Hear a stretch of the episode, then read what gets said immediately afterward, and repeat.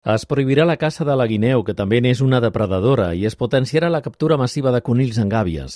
Tot plegat per reduir la nombrosa població de conills que arrasa els cultius. Les actuacions adoptaran el centenar d'àrees privades de caça de la vegueria de Lleida. Ferran de Noguera, director dels Serveis Territorials d'Acció Climàtica. Es constata que amb la caça no, no s'acabarà. Per tant, ara podem, volem pormenoritzar la caça i el que et dia, eh? introducció d'espècies, de, eh, com deia la del linx, i, i, i després doncs això, hem estudiar inhibidors, repel·lents... Josep Sallar, coordinador d'Unió de Pagesos a Lleida i agricultor a Cubells a la Noguera, es mostra resignat davant la impossibilitat d'acabar amb la plaga de conills. Assegura que continua conreant finques pròximes als boscos que dona per perdudes, per evitar que altres terrenys de prop siguin arrasats. Dius, val la pena de sembrar Doncs no, però per què les sembrem? Doncs per això, perquè si no es mengen aquelles es van a menjar les la vora.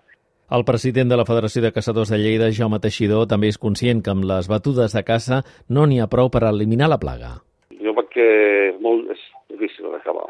Caçant, caçant impossible. Acabar-ho, eh? Les comarques més afectades són el Pla d'Urgell, l'Urgell, la Noguera, el Segrià i les Garrigues.